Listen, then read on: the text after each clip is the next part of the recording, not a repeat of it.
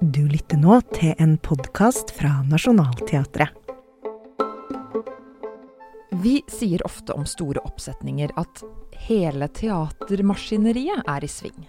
Men når teatergruppa De Utvalgte setter opp 'Brannen' av Vesaas, så sprenger de grensene for alt vi har sett på hovedscenen før. Du blir invitert med ut i naturen og inn i deg selv. Et rått drømmelandskap. Det er surrealistisk, skremmende, fengslende. Men det er også underholdende. Med banebrytende visuelle virkemidler, roboter og ny musikk.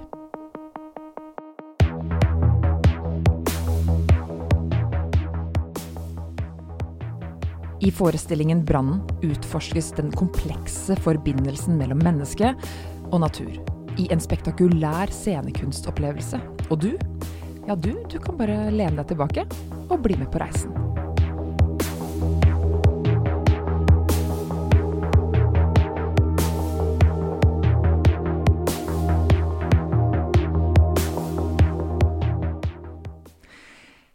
Endelig tilbake igjen!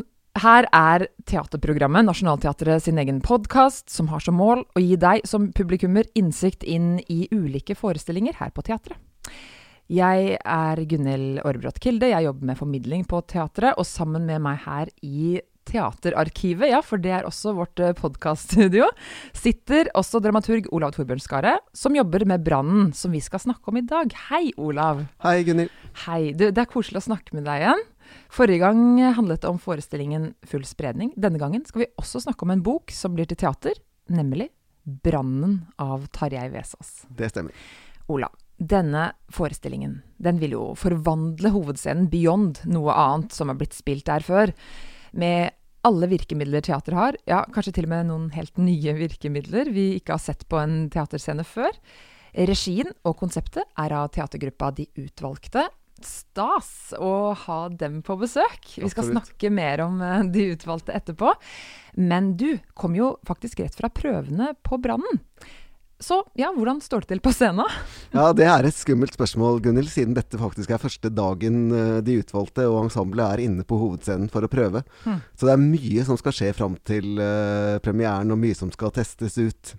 Men jeg kan i hvert fall fastslå at uh, det blir en imponerende scenografi. Med mye teknikk som både tester grensene for hva hovedscenen kan romme, og hvor mye teknikk vi klarer å lære oss på prøvetida til én produksjon. Mm. Men jeg kan jo nevne noen stikkord som jeg er ganske trygg på at vi kommer til å beholde. Det er den største sceneduken jeg i hvert fall har sett henge fra Snorloftet. Eh, Det er den første robothunden på en norsk teaterscene noensinne. Elektronisk musikk, som du jo allerede har nevnt. Mm. Og en rekke overrumplende, men uhyre presise projiseringer. For å nevne noe. Og så er det Tarjei Vesaas 'Brannen' som omslutter alt dette. Og det er jo også passende nok Vesaas-jubileum i eh, 2022. Da er det 125 år siden han ble født i Vinje i Telemark. Men når du nå beskriver dette mm, her, så ja, Det høres ikke ut som vanlig Vesås, om jeg kan si det sånn.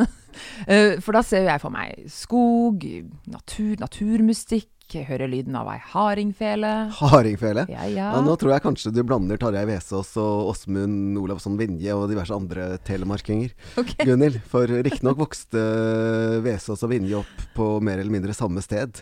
Eh, men de vokste opp med 100 års mellomrom, og hardingfelene var nok mer til stede i Vinjes samtidslitteratur enn i Vesaas eh, romaner. Eh, men du har rett i at mange assosierer Tarjei Vesaas med skog og natur. Og det er jo ikke tilfeldig at noen av de mest kjente romanene hans også heter ting som bringer tankene i den retningen, som f.eks. Isslottet og Fuglandet. Og det er jo mye natur i brannen også. Eh, men tenk deg litt om. Er det mye ordentlig natur på scenen i en tradisjonell teaterforestilling? Det er jo ikke det. Vi bruker ulike teknikker for å hente den inn, eller skape illusjonen om at det er natur. Eh, vi viser enten det er eh, Shakespeare eller Fosse, eller Tilseters og Bjørnson-stykker. Uh, og det er det kanskje akkurat derfor det er så interessant at nettopp de utvalgte med sin ekstremt moderne teaterverktøykasse setter opp Vesaas, hvor symbolverdien til naturen er så sterk. Altså, jeg har jo skjønt at uh, Kari Holtan, regissøren, kicka veldig på brannen da hun uh, leste den første gangen. Og på hvordan Vesaas beskriver denne, dette forholdet da, mellom menneske og natur. Ja, Kari Holtan har snakket uh, mye om det sterke forholdet hun har, til, har og alltid har hatt til uh, brannen. Og i 'Brannen' er nok historien mer si, surrealistisk, ja, drømmeaktig til og med, enn i mange av de andre romanene Vesaas har skrevet. Uh, 'Brannen' kom ut i 1961 som en av de senere verkene hans. Og historien i boka er lagt til samme tid, men i forestillingen kan det i hvert fall innimellom oppleves som om vi har flyttet oss til et sted i framtida. Uh, scenen vil transformere seg, og jeg kan røpe uten å avsløre noen hemmelighet at den kommer til å gjøre det hele tiden, mens vi følger hovedpersonen Jon fra sted til sted. Noen av stedene han, eller forestillingen, godt inspirert av Vesaas' roman, tar oss publikummere med til, kan minne om et slags knuste, ødelagte naturområder. Eller i hvert fall natur som er helt forvandlet fra den naturen vi forventer oss. Brannen forteller historien om Jon. Og for å sette oss inn i utgangspunktet for denne fortellingen, så har vi et lydopptak hvor eh, sønnen til Tarjei Vesaas, Olav Vesaas, leser fra innledningen i faren sin bok. Jon var nykommen her. Kommen for å ta over en jobb. Dreiv og sette seg i stand med hybel. Han var helt aleine. Stirret på en telefon. Først for moro skyld den ukjente, nykomne unge mannen Jon. Hvem blir den første som ringer opp til han? Som et hogg snudde det seg. Det let som leik, og slik var det tenkt. Telefonen i den godt utsydde hybelen. Som et hogg snudde det seg og vart til uro. Hvem ringer meg opp når jeg sjølv ikke kjenner noen? Det du hørte, var et opptak av Tarjei Vesaas' sønn Olav Vesaas, som leste et utdrag fra begynnelsen av boka Brann. Et lydopptak som også faktisk brukes i selve forestillingen. Og, og som vi hørte, Olav Torbjørn, så handler jo dette her om Jon. Han er nettopp ferdig med skolen, han har flytta inn på en hybel på et større sted, kanskje en by, hva vet jeg. Han eh, kjenner ingen. Han sitter aleine. Altså, denne settingen er lett å se for seg. Eh, og så har han angst for å, å, gå ut av døra, rett og slett. Ja, han vil ikke gå ut av døra før telefonen ringer, og noen eller noe som han eh, for enhver pris vil slippe å forholde seg til, mer eller mindre tvinger han ut. Det er litt guffent. Eh, men tvinges han ut, eller snarere inn? altså, eller er det ut i naturen, ut i skogen han er på vei, eller er det mer inn i seg selv? Ja, Både òg, vil jeg nesten si. Uh, før vi henger oss altfor mye opp i dette med naturen, må vi ikke glemme at Jon har flytta til et større sted. Altså et sted hvor det er mye annet enn natur, og flere mennesker. Uh, og kanskje andre typer, enn, uh, andre typer mennesker enn han er vant til å møte på den gården eller på den lille bygda han er vokst opp i. Så nå må han altså forholde seg til alt dette nye. Uh, og noen ganger kan jo menneskene vi møter være like truende som myra du tråkker gjennom, eller innsjøen du må ro over for å ta utgangspunkt i noe av det Jon opplever. Skjer denne reisen, eller er det en drøm vi ser? Ja, Det er et veldig godt spørsmål. Uh, som du har vært inne på tidligere, så går jo Jon ut i et krevende landskap og gjennomgår en rekke møter både med natur og mennesker som er utmattende, og noen ganger legger han seg ned for å hvile seg. Et par steder skriver Vesaas direkte at Jon faktisk drømmer øh, det som da skjer. Samtidig er det jo andre ting han opplever øh, som skildres som helt realistiske øh, møter i påstått våken tilstand, som overhodet ikke er realistiske. Og det er lov å tenke tanken om at hele historien kan være en drøm, at han drømmer eller ser for seg hva han kommer til å oppleve hvis han våger seg ut av hybelen.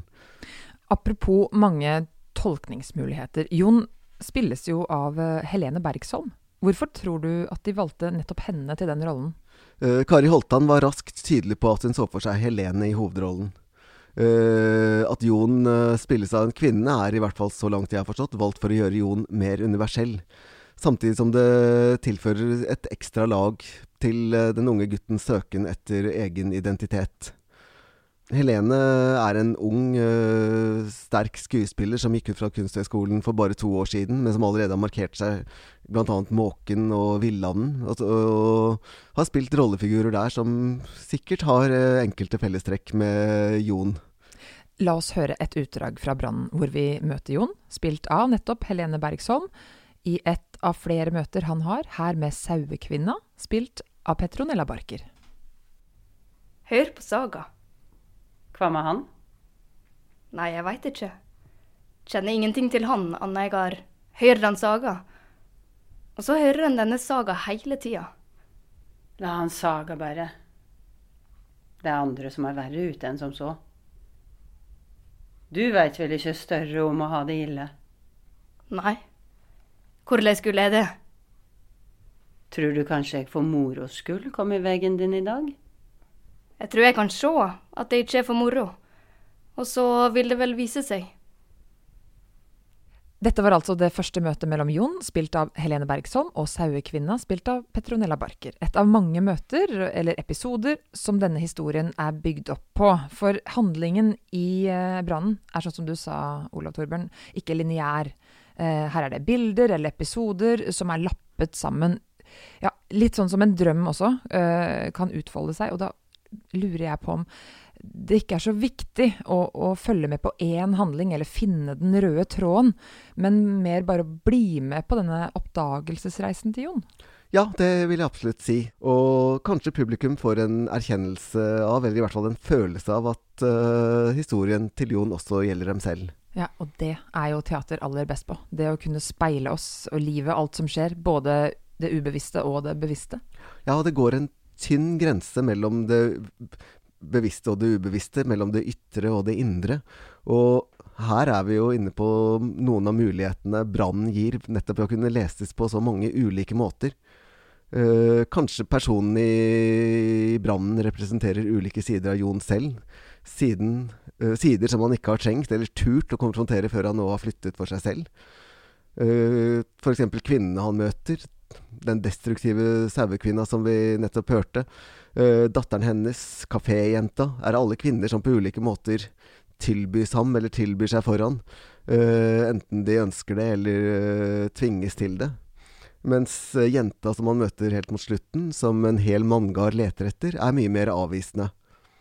Det går an å lese alle disse kvinneskikkelsene som speilbilder av mora eller de to gamle kjærestene hans, som han refererer til og husker samtaler med helt i starten. Uh, samtaler han sannsynligvis er nødt til å huske, selv om han helst vil slippe.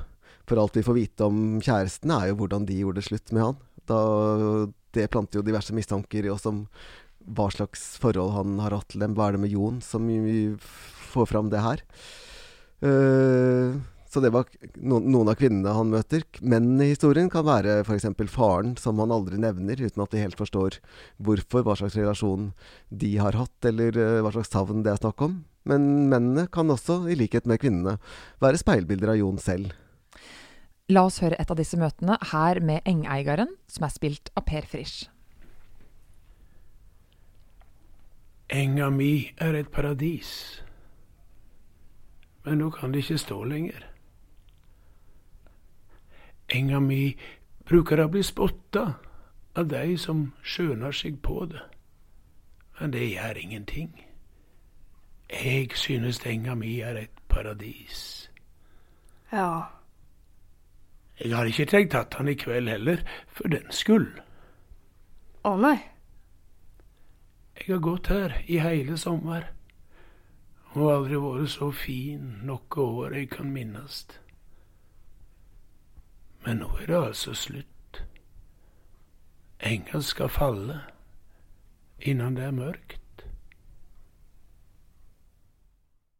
Det var Helene Bergson som Jon og Per Frisch som Engeigaren.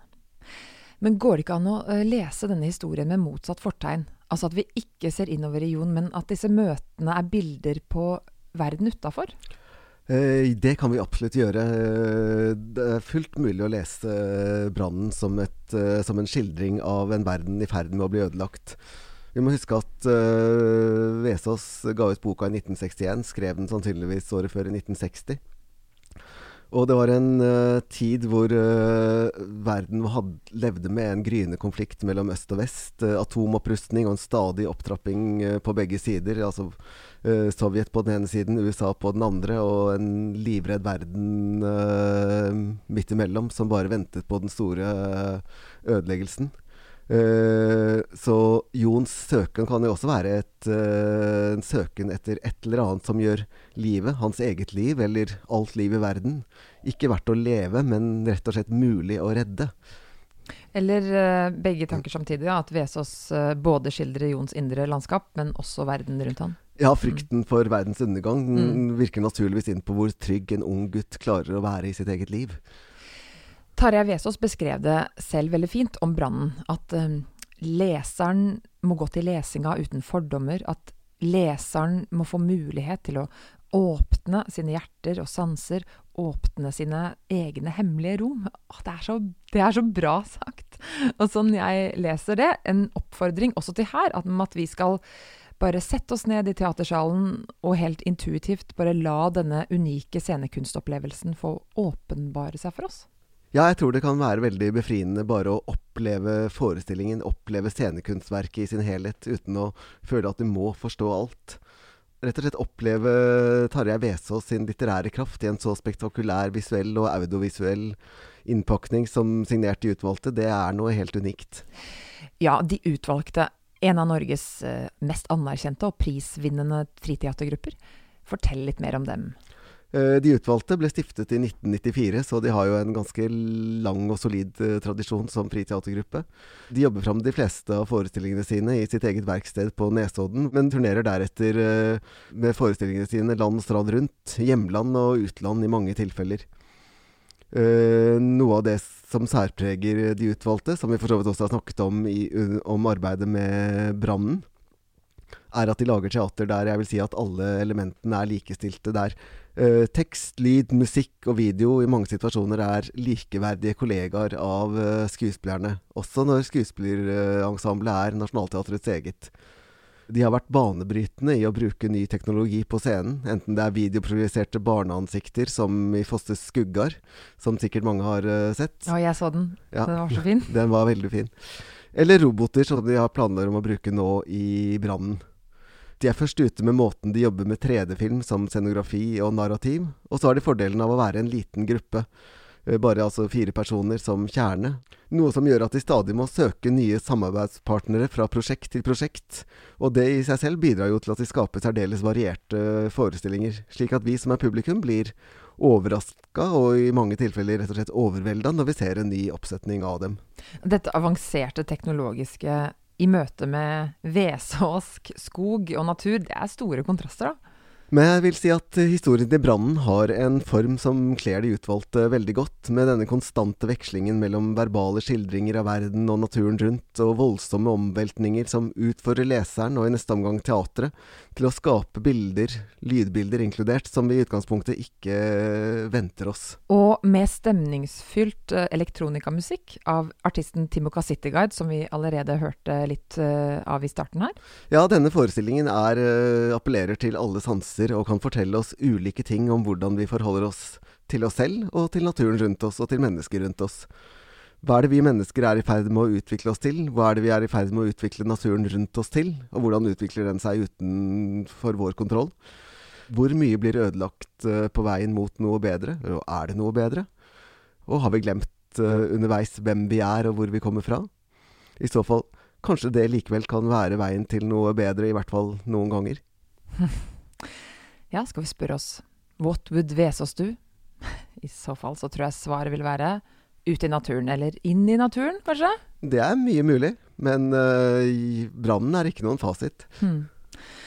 High-tech maskiner som er med på å bevisstgjøre oss i vårt forhold til vår egen eksistens og våre røtter. Litt sånn Matrix-aktig, eller er det det vi har i vente? Vi får se. Det får vi. Det er så sant som det er sagt. La oss avslutte med å drømme oss av gårde til musikken fra forestillingen.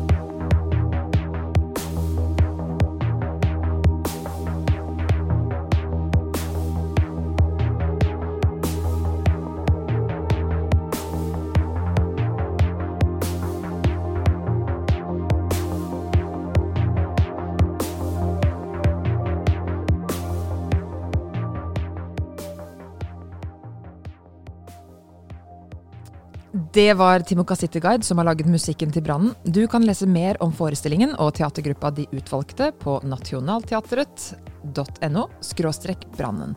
Og så vil vi jo selvfølgelig også anbefale deg å ta turen ned til teatret og se forestillingen. Og da var jammen også denne episoden over. Tusen takk for at du hørte på.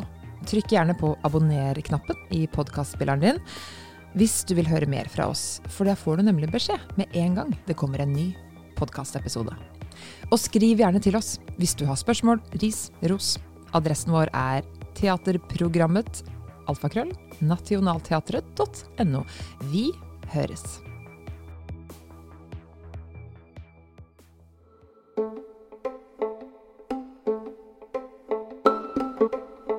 Takk for at du hørte på Nationaltheatrets podkast Teaterprogrammet.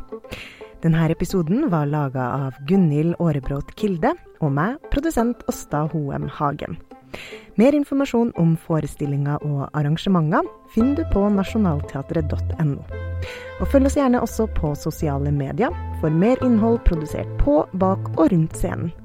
Håper vi ses snart i teatret.